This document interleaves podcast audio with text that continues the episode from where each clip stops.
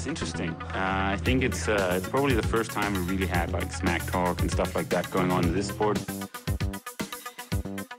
He's definitely been more successful here I mean, in, in Hawaii. But I've beaten him up many times, and he knows that when all the people aren't around him patting him on the back, and he looks at himself in the mirror at night when there's no one else, he knows I'm the real deal. Some people talk and they never won Ironman in Hawaii, so I could talk. I won twice. Hello, everyone. Welcome to the podcasts. Races are cancelled all over the world, but training continues, and so does podcasting, fortunately. Yesterday, I had a super interesting chat with Mikal Iden, full time coach and also assistant coach on the Norwegian national team. We had a chat about what's going on at the moment and why the Norwegians are dominating the world right now. And besides that, Mikal is also quite the athlete himself. Had a super fast Ironman last year where he won Ironman Tallinn overall with a dominating bike performance. This podcast is sponsored by Fusion and Med24. Thank you so much, guys. Mikal Iden, take it away.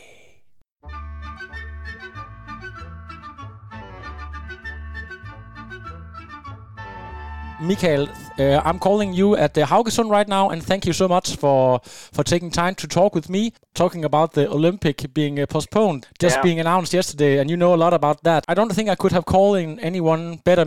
I have to say, Mikal, the first time you got onto my radar was when you won the Ironman. People started to text me, "Hey." Uh, Gustav had, has a brother who is uh, pretty going in his, his own right. So, uh, you, did did you get a lot of attention back then at this result? Uh, people noticed that Gustav actually ha- has a brother who is quite good.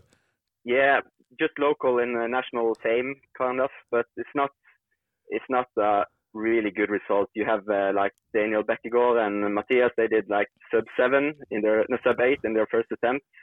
So like eight nineteen is not not that good, and like uh, you should do like around eight or sub eight to be like really good. Um, and I, I don't compare myself to Gustav. He's another level. So yeah.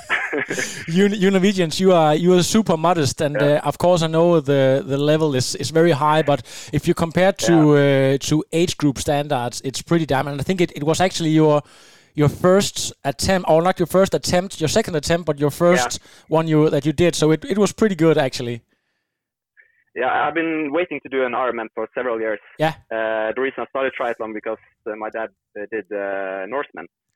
Ah. So, so my heart has always been long distance triathlon, even though I was on the national team. And um, then I said, uh, when I do my first Ironman, I want to do a, a fast one. I don't want to do Norseman or not. I didn't want to do Haugesund as well because that's not a really fast course. But uh, last year I ended up being uh, on the start list for Ironman Haugesund and then I broke my collarbone like one month before, Oh and uh, yeah, so I was training pretty hard for that competition. I think I could have done like eight uh, thirty or eight uh, forty for that. That race is not. A, I think it's like fifteen hundred meters of elevation on the bike course. it's a pretty insane course. Uh, it is. yeah, and then I ended up doing Tallinn, so I had like one month to prepare, and uh, I did like eight nineteen, and the the national record is super bad compared to other nations. It was uh, 824 or something. So I wanted to beat uh, beat that time and wanted to do 8 820. And I did my cal- as a coach, I did my calculations, uh, and I think I could do like this swimming, this bike, and this uh, run split. But as an athlete, uh, as a coach for myself, as an athlete, I was not sure I could do it. But it ended up like being there with five seconds. So it's not. That's that's kind of cool, I think. Yeah, yeah. Uh, we, we will go more into to that later, but I think we let's start let's start with the with the Corona situation affecting athletes all over the world. I've been following you guys on Strava quite a bit, and uh, you seem to not be too affected. I don't know how about the swim, but you do uh, six-hour bike rides, uh, uh, long runs, uh, cross-country skiing. So, so what's the situation up there?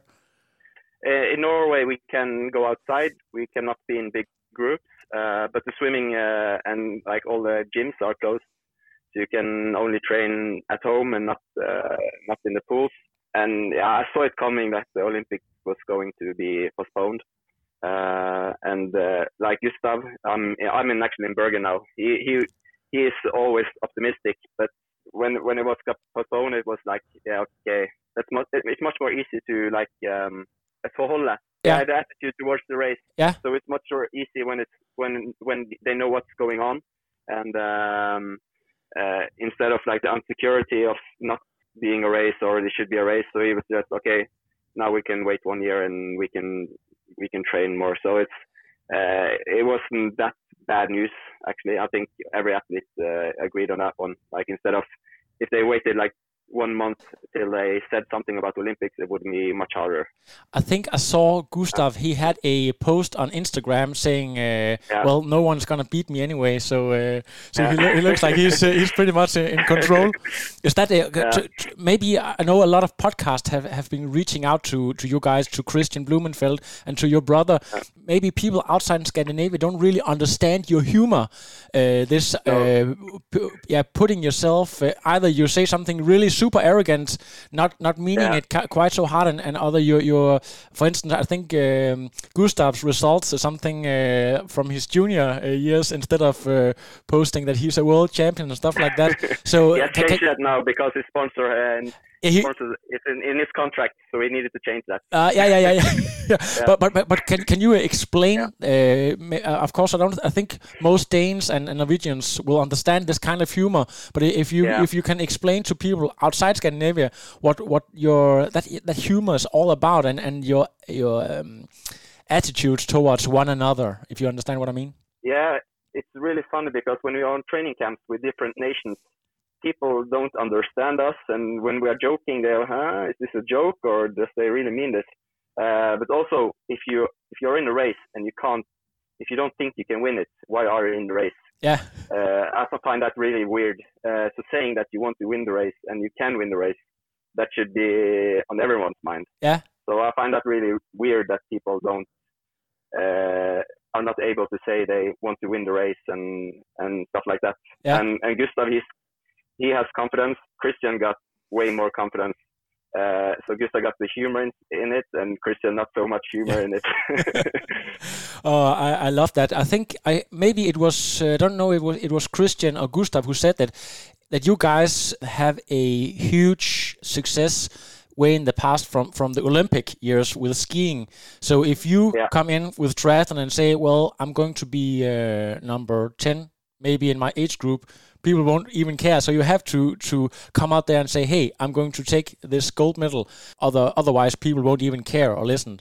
yeah, in the summer games uh, in Norway, that's how it is. Uh, Yeah. But I think a lot of the attitude in our group in triathlon uh, is is from the start from 2011 when Arild started uh, building the national team. Yeah.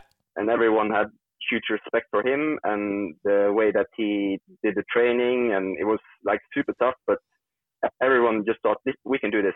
And he always said, like, we you can be the best if you want to be the best. Just do the training. It's going to be hard, but you can do it and and that's the culture of the group now. Uh, so I think that's the, the the main reason why it's like this. I, I don't think it's a, a, a Norwegian thing. It, it's the sporting community in Norway is not so big, so it's it goes over to like swimming and and everyone can hang on to that um culture. But I think it's like from the from the group and from the start. Have you heard about this uh, metaphor speaking about eggs throwing to the wall and uh, the eggs that not break will be world champions? Is it a little bit like that, or if you know what I mean? Um, Yeah, I know what you mean. Yeah. I don't.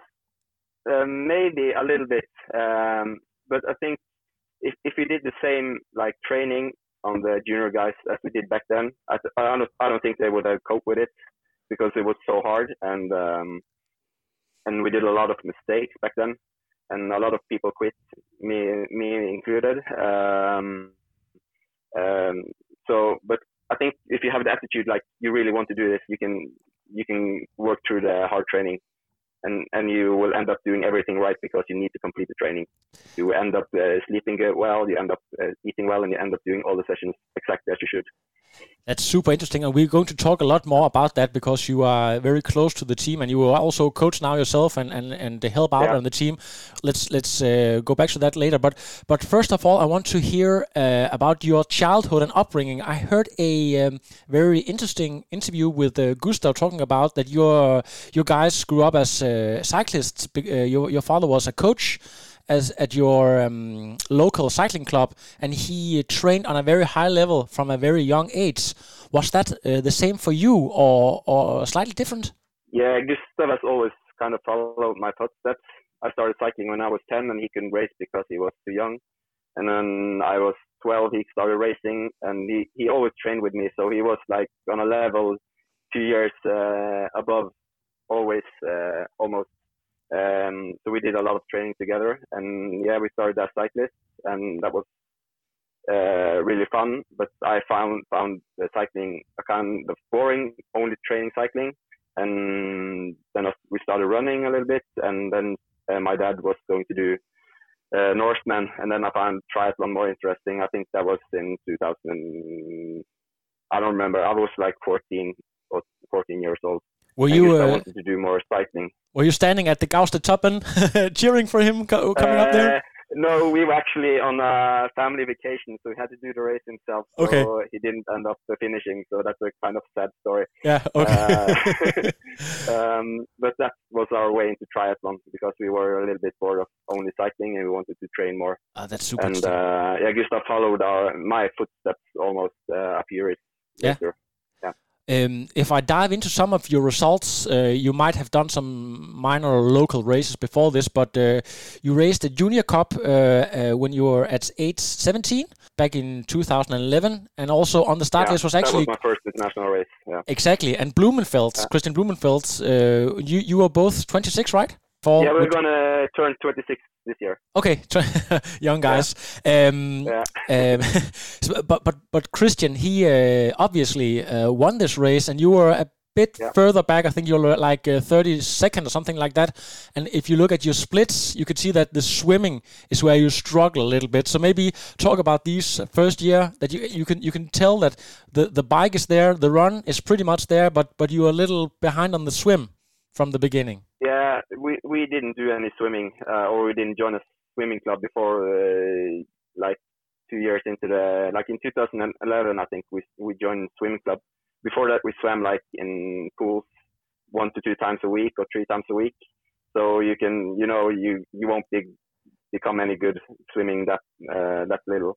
Uh, but one year later, my swimming was was much better. Exactly. I, I catch I catch the swimming really well. Gustav didn't catch it so fast, even though he was two years younger than me, and he he struggled a lot through the junior junior years. But of course, he's he got more uh, fitness and uh, strong mind than me. Um, but my swimming was always a little bit uh, better than, uh, than him and I think in 2012 my swimming was uh, really good. I, I, I, think I was before Kristian in the World Championship. Exactly, that was my point because yeah. it, you're it, within five seconds or something like that. It's yeah. extraordinary on such a high level to be like in your first race uh, one year behind with two and a half minutes and then close the gap in such a short time. So you must really have yeah. worked on that swim. Do you have any secret tips or is that just? Uh, uh one swim coach said to me, "Lazy people are going to swim fast."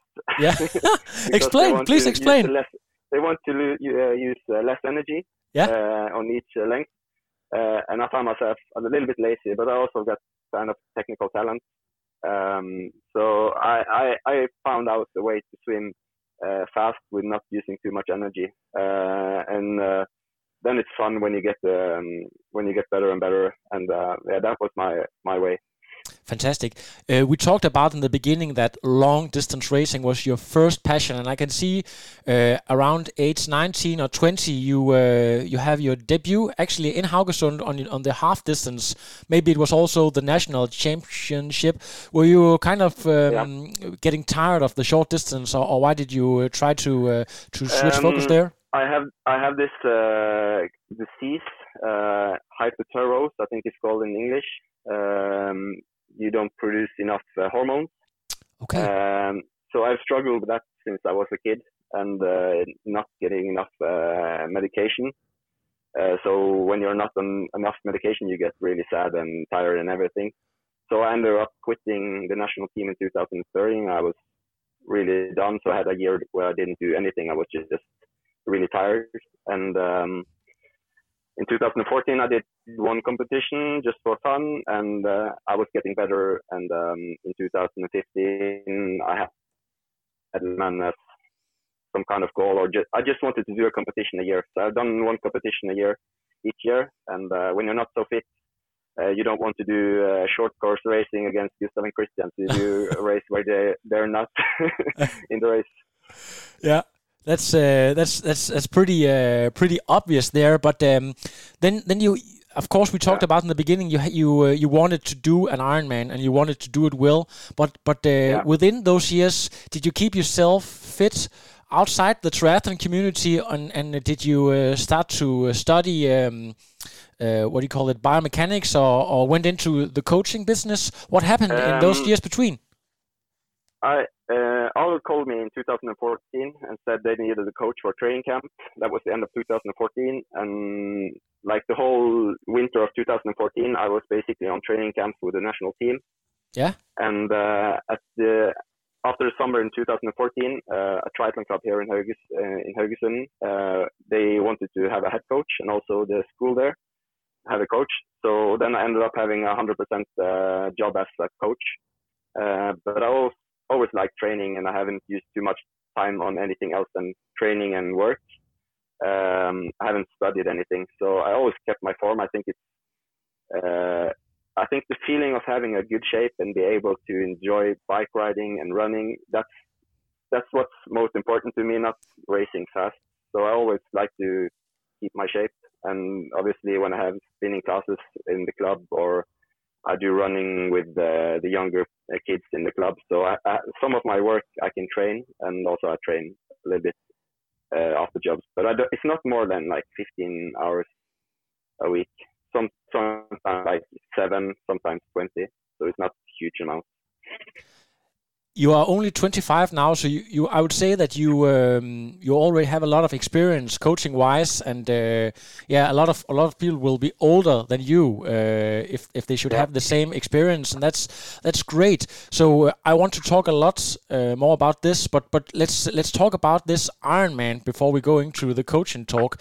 Um, you yeah. you decided you um, we talked about uh, you had a goal for for Haugesund, you had a, a crash, uh, and your collarbone was was injured, but the preparation yeah. the preparation for um, for Tallinn. Talk a little bit about this and how the the race went on. One thing that people will notice if they go and check out your splits in Tallinn is that you have an insane bike split, like 419 or something, uh, like uh, yeah. 20 25 minutes uh, faster than the next one. So no drafting here the training that I do uh, on myself is not the same training as I as I subscribe to to other people. I think because I have an advantage. I feel that I know my body so well that I always know where what my status status is. Mm-hmm. So if I need to do short uh, short uh, hard reps or if I need to do long hard uh, sessions, um, so in that way I can always uh, be really fit and kind of turn myself fast fit, and um, I find my body to respond really well on long rides. So last winter I did uh, I did a lot of long rides, like 200 kilometers on my cyclocross, just to prepare. So my training was not so uh, it wasn't so not very special, but I did these long rides uh, when I could. Yeah. And uh, but I didn't swim. I, I, don't like to swim. You need to swim so much. So I think before the race, last uh, last year I swam like 11 hours. It's in total. swim training I did. Yeah. In total, yeah. last year, 11 hours. S still managed and, to uh, come out in 58, 58 minutes. Still. Uh, yes. that, that's I'm, I, am kind of impressed with that. Yeah, me too. And um, uh, and my fitness in May when I before I crashed was better than it was on race day in Tallinn. Oh, okay. Uh, I know I, I felt it, and also when I look back on Training Peaks and Strava, I can see that my fitness was was was way better. And yeah. then I had all all uh, had one month of training before Ironman Haugesund, so that should have been really interesting if I kept that fitness going. Um, Uh, but yeah, I, I thought I could do 59 minutes of swimming, and I did 59 minutes or 58. And um, on the bike, I, I, I, felt I could do 280 watts uh, because of the training I did. Uh, but doing 280 watts on that course in that wind and no other to draft on, it was just not enough to go, keep the speed that I wanted. So it was either keep the speed that I wanted or keep the watts that I felt I, I could do. So I ended up having like 297 of uh, in average power. So that's pretty decent. Yeah. And um, how, sorry, yeah, how, how much I, do how much do you weigh? Uh, if people should uh, compare. I think I was uh, 78 kilos. Pretty good at the time. Yeah. So it's, it's not really. I think it's 3.7 or 3.8 yeah. per kilo. Uh, my aerodynamic is not so really good, and I didn't work too much on that one. I regret that afterwards. Uh, but I didn't draft, and and that uh, Ironman rating isn't that what it's called? Yeah. They say Tallinn is the fastest course out there. Yeah. Oh, um, I didn't know. Um, people say maybe uh, Copenhagen. Maybe some, some yeah. years, uh, if the wind is, is right, people talk about Sweden. But I think it's Tallinn is up there for sure. Tallinn is the first one I checked uh, later, and and Barcelona is the second. Oh, that's because Barcelona of the drafting. That's everyone because is, that everyone is drafting there. Yeah, yeah. So the national record was taken uh, back uh, like uh, when in Barcelona one uh, month later, and that was just drafting competition. Was that uh, Allan Hofstad or who who did uh, take yeah, that? he it. So he had uh, the same speed as me on the bike, but like 220 in power. So uh, and I did like 300. I went solo the whole way. Like yeah. I was maybe four minutes behind uh, some people. The rest I did like alone in the wind, ah. and it's not the. I don't. I don't think it's the fast, really fast bike course. And uh, um, the running is um, is okay. I find doing loops really well, uh, uh, but it was a lot of cobblestones. I think it's like eight k's of cobblestones yeah. always. So my ankles was like swollen up the day afterwards. So like 258 also on the on the bike, a sub three hour uh, marathon for for a sub two uh, so, sorry sub uh, 420 bike ride. That's pretty good. Yeah, when you have the new four percent shoes, you just I started like two no three fifty or three forty five pace, and just oh this is way too fast. Don't go there so fast. Just uh, you just get uh, driven through. So, um, but I ended up like going to the toilet four times. So oh. my nutrition, I had a lot of energy, but my nutrition was not so well for the stomach. So I was in like on the toilet for five or six minutes. But I guess everyone is doing that on an Ironman. Yeah. So I lost some some minutes there. That's that's pretty pretty typical. Um, I have to ask you yeah. um, before all this uh, Corona situation, did you have plans to go race again, take back the Norwegian record um, this year, or any any, uh, or was everything um, planned around you for coaching in the Olympics? Um, talk about this a little bit. Didn't have a spot, but I wanted to go there watching because every federation just gets like one or two spots, so that's for two other guys. Yeah. Uh, but I wanted to go there with a friend to watch and just support. Um, but we haven't hadn't um, gotten any tickets yet, so we're kind of lucky that we didn't spend too much money on the Olympics yet. Yeah, yeah, yeah. uh, so yeah, but I didn't have a plan to race anything this year okay. because every good competition is around the Olympics. So I, I don't prioritize that. But now maybe if there is an Ironman later this year, maybe I can do it.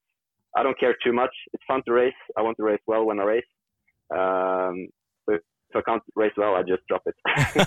I love that attitude. Let's talk about coaching a little bit and also maybe the community around Haugesund.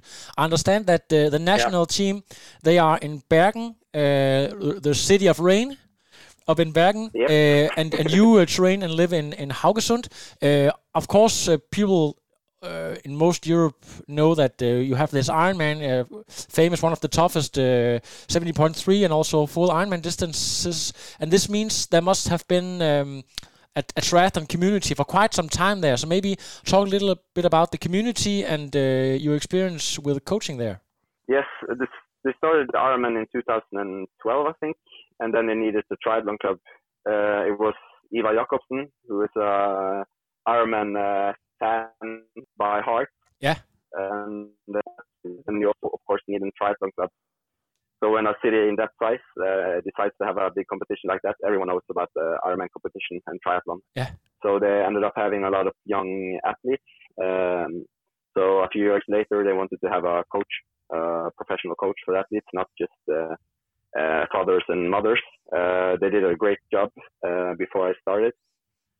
And Arild was also a little bit involved with uh, some of the best people in, until I started in the, in late 2015. Um, and before that, as I said, I started as coach in like 2014, one year before.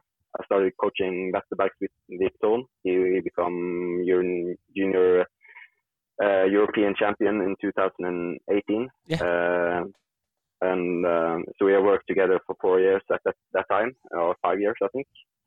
Um, and also some talent in me as a coach, so that's why I ended up uh, going there. So it was, it, I'm really lucky, uh, I think, to have uh, had this job because I I can coach uh, young people, which are eight years and 15 years, and elite athletes, and then having some fun with uh, the older guys in the club. yeah. So do do you train? I know uh, I've interviewed uh, Scott Stenberg from uh, Denmark. Um, yeah. Do you do you still take athletes on a certain level from outside, or is it more closed? Also, getting close. Yeah, before this happened, we were getting close to the Olympics. You have to focus on the national team, stuff like that. Uh, so, do you still coach international athletes, or take more in? Sorry. Um, if the, if I know them, I can start coaching them because getting to know an athlete that's the hard part. Yeah. Um, so I always been kind of uh, not liking to take in new athletes. Uh, I wanted to get to know them first. An example was an age group athlete. I said, I want, I don't want to coach you. He was talking to me, talking to me, talking to me like for two, three months. Yeah. And at the end of that, I, I get to know him so well that okay, I can coach you now. Okay. So if you want me as a coach, you have to like uh, talk, talk, talk, talk, talk. Yeah, yeah. Maybe if I get to know you, then I then I can coach you. Oh, that's if you fantastic. just, oh, I want, uh, can I coach you? Then then I would uh, say no. And I also like to coach people with ambitions. For me, like coaching age groups, and uh, uh, it's not so fun. So I feel like helping young athletes, juniors, uh, it's I, it's it's not more not much more fun, but it's, I feel it's more important Yeah. than coaching age groupers maybe. Yeah, I can I can see that it's a bit like um, a Shaolin uh, monastery with these monks that uh, if you are turned away five times and you come back the sixth time, then they'll- then they'll let you in. It's a bit like you with the Yeah. coaching. Yeah, I- yeah, maybe. I love that. Can- So so with uh, with Scott, it was um, a little bit like that, and also uh, he was training with another guy that I helped with training. Um, so it was a little bit more easy, and uh, it's it's a lot of ways you can do the coaching. You can just give a program and just do this, and it's not really good. The coaching or training now is more and more like um, adapted to each athlete with uh, testing, and you can't just give one program to every athlete and think they're gonna turn out really good. Um, so if if you're gonna do that, you have to tell the athletes like this is a program that I make for everyone, and it's not uh, like tailor made for you. Then it's okay, but then you're kind of hustling the athletes because you're not giving giving them the opportunity to become like the best. So I, I find that really hard because it's better it's better for me to give an athlete who don't have a coach this program, uh, which is not tailor made for them. Uh, but at the same time, they should have a better program which is made for them and their weakness and where they're good and what their goal is. Interesting. Um, being uh, on the national team and working side by side with Arild for so many years, is your coaching philosophy more or less the same, or do you have a slightly different approach to some areas? Could you talk about this a little bit? He's uh, coaching more elite athletes who are not in school and uh, just training, and uh, the testing they do is is on another level. I don't have time and uh, resources and uh, knowledge to do the same testing on my athletes, and they are not so old. Uh, for me, it's uh, uh, more about getting the athletes to know the system of training, uh, how they should do it, and uh, that's the most important thing. If the session is like five times six minutes or six times five minutes, it's it's not the, the biggest of deals. But if you know the athletes more and more, you know this time they should do uh, intervals that are four, four minutes long, or this time it should be six minutes long. Yeah. But it's not the biggest of difference. But uh, he's he's on another level than me when coaching uh, really good athletes. Um, it's it's it's a funny story because people are telling us what what's a good coach and what is a good good coach. Yeah. For me, it's like um, uh, the the guy who can make uh, the most athletes really good. Yeah. Yeah. So, So uh, the, me the number of Ole are- champions in yeah. his squad. That's that's Yeah. a good uh, coach. Yeah. So if you just get like Joel Filliol, people say he's really good, and he is really good. Um, but getting like juniors up and from not like getting them to choose uh, going for the sport instead of not choosing going for the sport.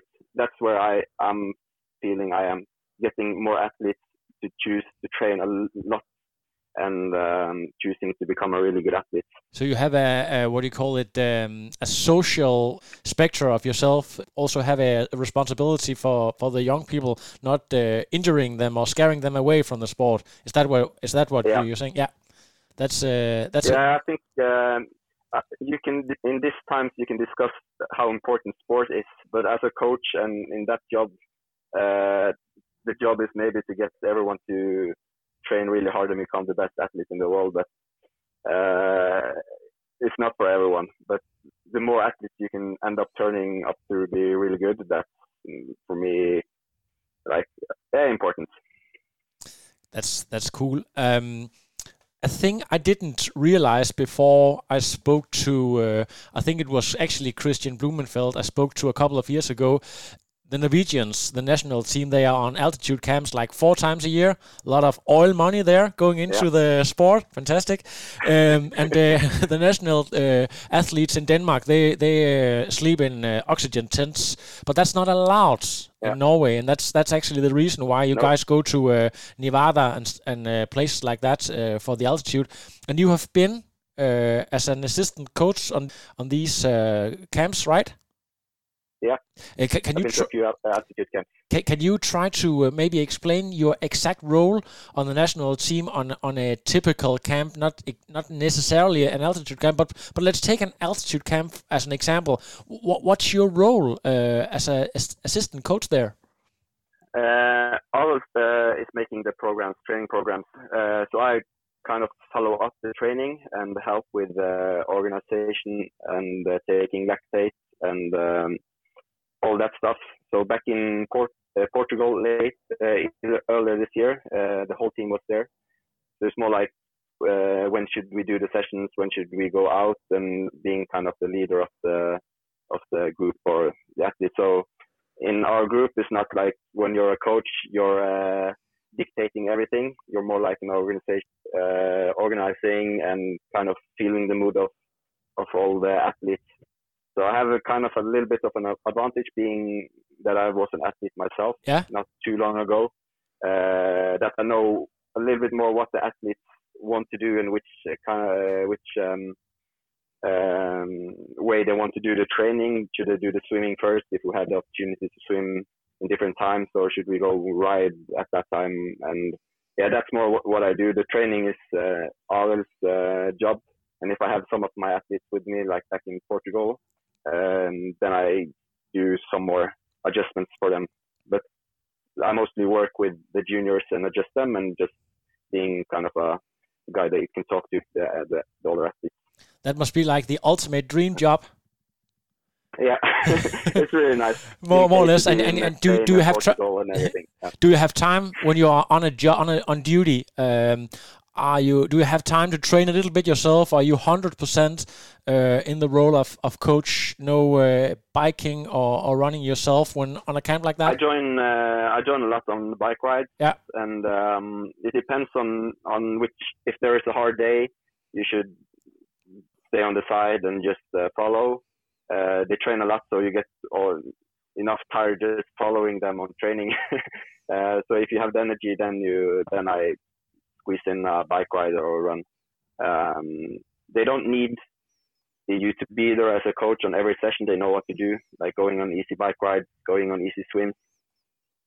It's not like you need to be there just um kind of overprotecting them and just talking and talking and talking just to feel like you do a job. They know what to do. So uh, if the session is made, then you can just let them let them do it. But for the younger junior athletes, it's nice to follow on the bike ride, and you can talk and sum up the training and talk about uh, the following days. Mm. When other podcasters and journalists have talked about why uh, you guys are so damn good, the uh, the the answer is typical because you have a super scientific approach, um, and everyone is uh, full time athletes. Is there another aspects of the picture that people are missing why this group is so good compared to to other groups uh, do you think? A, a, th a, thing that people may uh, underestimate if you know what i mean.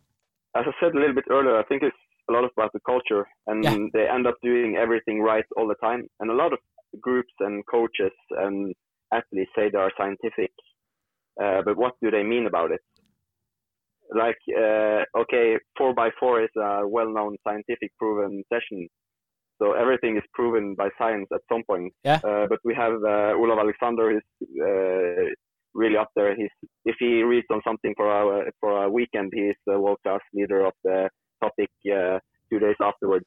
Uh, yeah.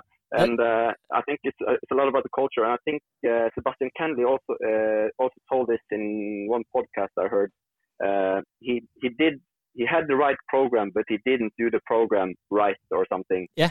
So I can give you the same uh, training program uh, as myself, but how do you end up doing the sessions? That's a good and, point. Uh, I think that's uh, really interesting because uh, if you look at when I ride my bike for six hours, I try to pedal for six hours.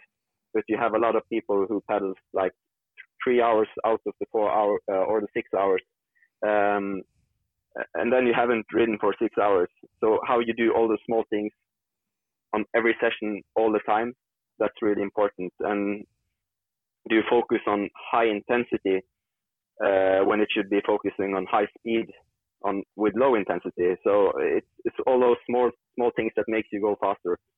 Uh, all the time. That's super interesting. The guy you were referring to, uh, I think Lotte Miller uh, referred to him as uh, Lap Rotten or the lab rat. Mm. do, yeah, do, do you think uh, there's a lot of um, is, is he a big um, is he a big part of the puzzle? That's what I mean. Yeah, he's a big part of the puzzle, but I think uh, a philosophy that we have we should be open and um, uh, let other guys in. Like in training camps, we had uh, Spanish guys train with us, uh, French guys, and a lot of different people. So we are kind of really open, and then you end up having a good team around you because you're uh, you want to listen to people who are talking to you. So uh, the pieces fall together for the people who look for the pieces.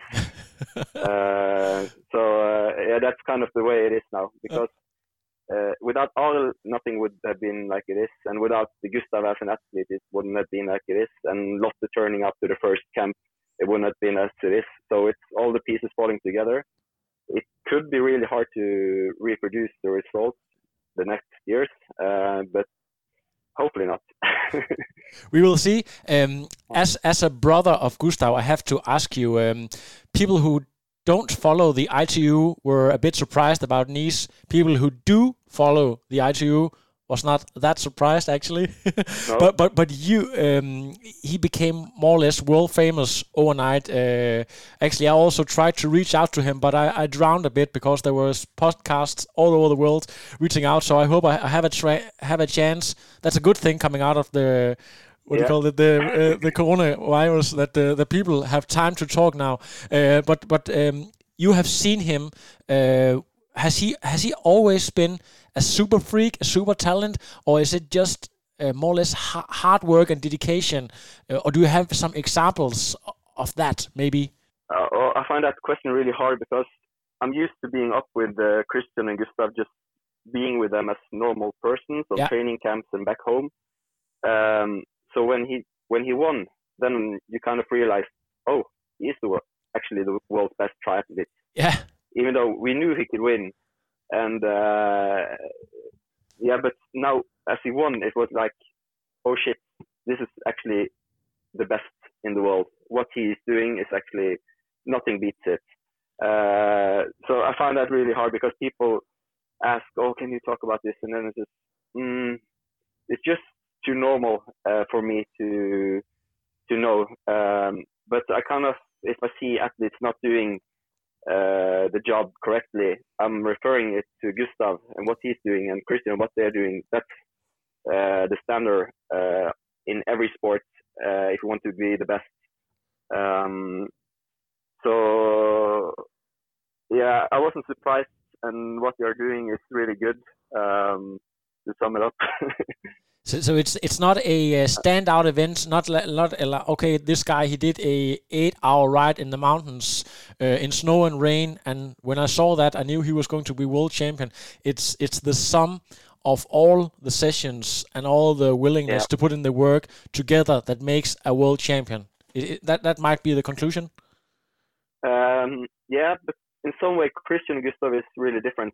Now they can do whatever they want in training a little bit. Uh, Gustav end up running in the snow and kind of playing and having fun. Kristian is more like a robot, just doing the indoor training, and so it, it sums up that you can do uh, both of that uh, philosophies and still become really good. Uh, but in some, they are training a lot. So um, I just listened to a podcast with uh, Henrik Ingebrigtsen. Yeah. And he said he was training a lo- a lo- around 20 hours a week when he was 15 years old or something. And um, I think that's where you need to be. You can you can perform really well in uh, one event, uh, not having the foundation with a lot of training uh, when you're young, but uh, reprodu- uh, reproduce the results over over weeks. Uh, I think it's you. Some freaks can do it with a lot, with not too much training, but to become really good, you have to have the foundation with training. So I think Gustav has been training uh, like tw- 20 hours a week uh, for several years, and now the last years he's training a lot more. Uh, so I think you need to do, you have to be strong enough to be able to train to develop. Super interesting points. there. I don't know if you can see, Mikal, the poster I got here behind Rocky. Rocky. and uh, the the um, the allegory you made between uh, Gustav and uh, Kristian is a bit like Rocky Four with uh, the Russian uh, method training on machines, and then uh, Yeah. Rocky Balboa training out uh, in the snow. Yeah, actually, I watched Rocky here the other day. yeah. Yeah. That's uh, that's great. Um, I'm uh, I'm out uh, of questions uh, regarding coaching and uh, racing, but um, if people um, want to, to reach out to you, is is it a web page or Instagram? How can how can they reach out if they're interested to to know a bit more about you and uh, about uh, making an uh, web page, but I haven't uh, gotten that far yet. Yeah. So I think Instagram is the easiest way. And it's So just if you uh, find a picture of Gustav, you just uh, click on the photo uh, Mikal Iden, and then Yeah. you find me. yeah fantastic. and you also got uh, a bit of I think his Instagram uh, account grew with uh, like uh, fifty thousand in in one day. Um, yeah, when he was running the last stretch into the finish line, uh, I just uh, on, in Nice I checked his um, his Instagram, and he has all already gotten like two, three thousand more followers. And I screamed screamed it to him when he passed me, and he, he smiled. and then the Instagram has just increased a lot since then. And you uh, and some of his followers uh, obviously also uh, drop into into your account as well. So it's good for I'm, you too. I'm lucky that way. But I heard uh, some people say, make yourself uh, useful uh, one time. That's why I'm taking photos because then I can get uh, get to use myself a little bit when they are not doing uh, like hard sessions. So I can take photos, and uh, they need they need that uh, these days when they're on Instagram, and it's so important. Of it's important to have a good good photos. exactly. It's a bit like Tommy Zaferes also helping out his uh, his, his Yeah. wife. A very important role in in this uh, years. Do do you have um what do you call it? Uh, do have you any thoughts on that part? Um, Instagram being just as important as uh, the result i- itself, more or less, actually. Um, in some way, it is.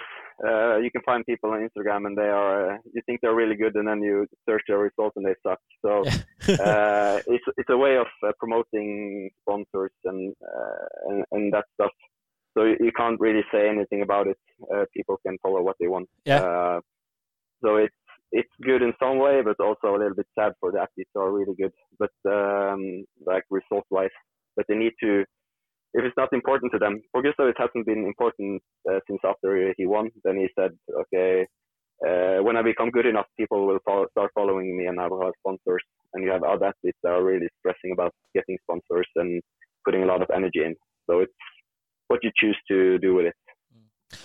The million dollar question here uh, at the end. Would you be surprised that if some of the guys, let's say we have a we have a Hawaii Ironman as normal, that uh, some of the guys they uh, go and check the box and, and go and win Hawaii this year instead of the Olympics? Would that surprise you? um, we had a plan to do Hawaii this year. Uh, I knew it. I knew it. uh, Kristian also, but um, because after the Olympics, it would be easy to do it. For Gustav, he, he only needed to uh, to like validate his ticket since he won Nice. Yeah.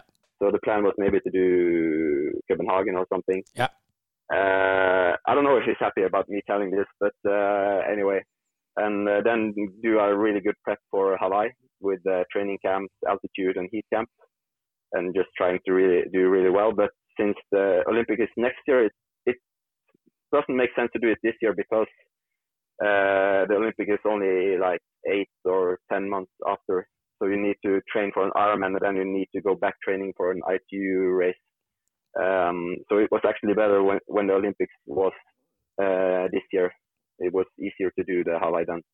Uh, so it's going to be interesting if people end up doing that, and also Taupo, uh, 70.3 World Championship, because it's a long travel, and then it's like definitely eight months till the Olympics or nine months. So it's getting a little bit close. So we'll see what we end up doing. If there's not any WTF co- competitions, maybe doing Ironman. I don't know. This is so groundbreaking and interesting uh, to hear you say all this. Is it is it important for these guys to do something that hasn't been done before? I don't recall anyone else has done that. Maybe one time in the past, back in the late 19s or something like that, when the game was a bit different, but not in modern uh, triathlon times. Anyone has done that? Is, uh, is that a, important? This year, Gomez and uh, uh, Gomez was qualified for Hawaii and yeah. Olympics almost. Yeah. And also Alistair has qualified for um, for Hawaii. Yeah. Uh, so they wouldn't be the first uh, thinking about doing it. Gustav hadn't thought about this one year ago, but since he won uh, Nice and had that validation ticket, okay. it was uh, that was when the thought uh, came. And also Kristian wanted to do the same since Gustav had an idea and then I also talked with them, and the, the thought grew, and maybe hmm, if you do this, if you do this, um, so it's more, uh, it's for for fun and also testing for the future. If you want, if you if you wanted to do the Hawaii now as an ITU athlete, this year was the year to do it. Yeah. Uh, so we'll see if they end up doing it this year anyway. It uh, it could still be postponed the Hawaii or just cancelled this year. We don't know yet. So it's really hard to plan. Yeah. Uh, yeah. It's going to be super interesting. Yeah. Mikal, yeah. Thank you so much for taking the time to talk with me. We spoke for almost an hour now, and we are out of yeah. question. And uh, uh, we can always, uh, if if uh, big results uh, come up, we can always uh, do another interview.